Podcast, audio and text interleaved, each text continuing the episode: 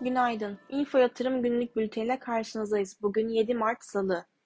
BIST endeksi haftanın ilk işlem günü güçlü alımlarla tamamladı. Cuma günü siyasi gelişmelere bağlı olarak baskılanan ve 22 günlük hareketli ortamından tepki veren endeks, siyasi gelişmelerdeki sürprizlerle %3,5'a yakın değer kazandı.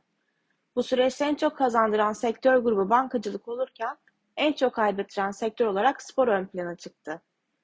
Küresel piyasalarda Fed'in gelecek 3 toplantıda toplam 75 bas puan faiz arttırabileceğinin öngörüsüne karşın enflasyona bağlı olarak bir sonraki toplantıda 50 bas puan faiz artırma ihtimalinin yükselmesi risk iştahını baskılıyor.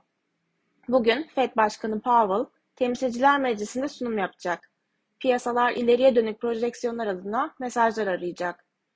Yurt içi ve yurt dışındaki haber akışlarının yoğun olduğu bu günlerde BIST endeksine kısa vadede 5475, 5555 ve 5680 seviyelerin direnç, 5265, 5140 ve 5060 seviyelerini destek olarak izleyeceğiz.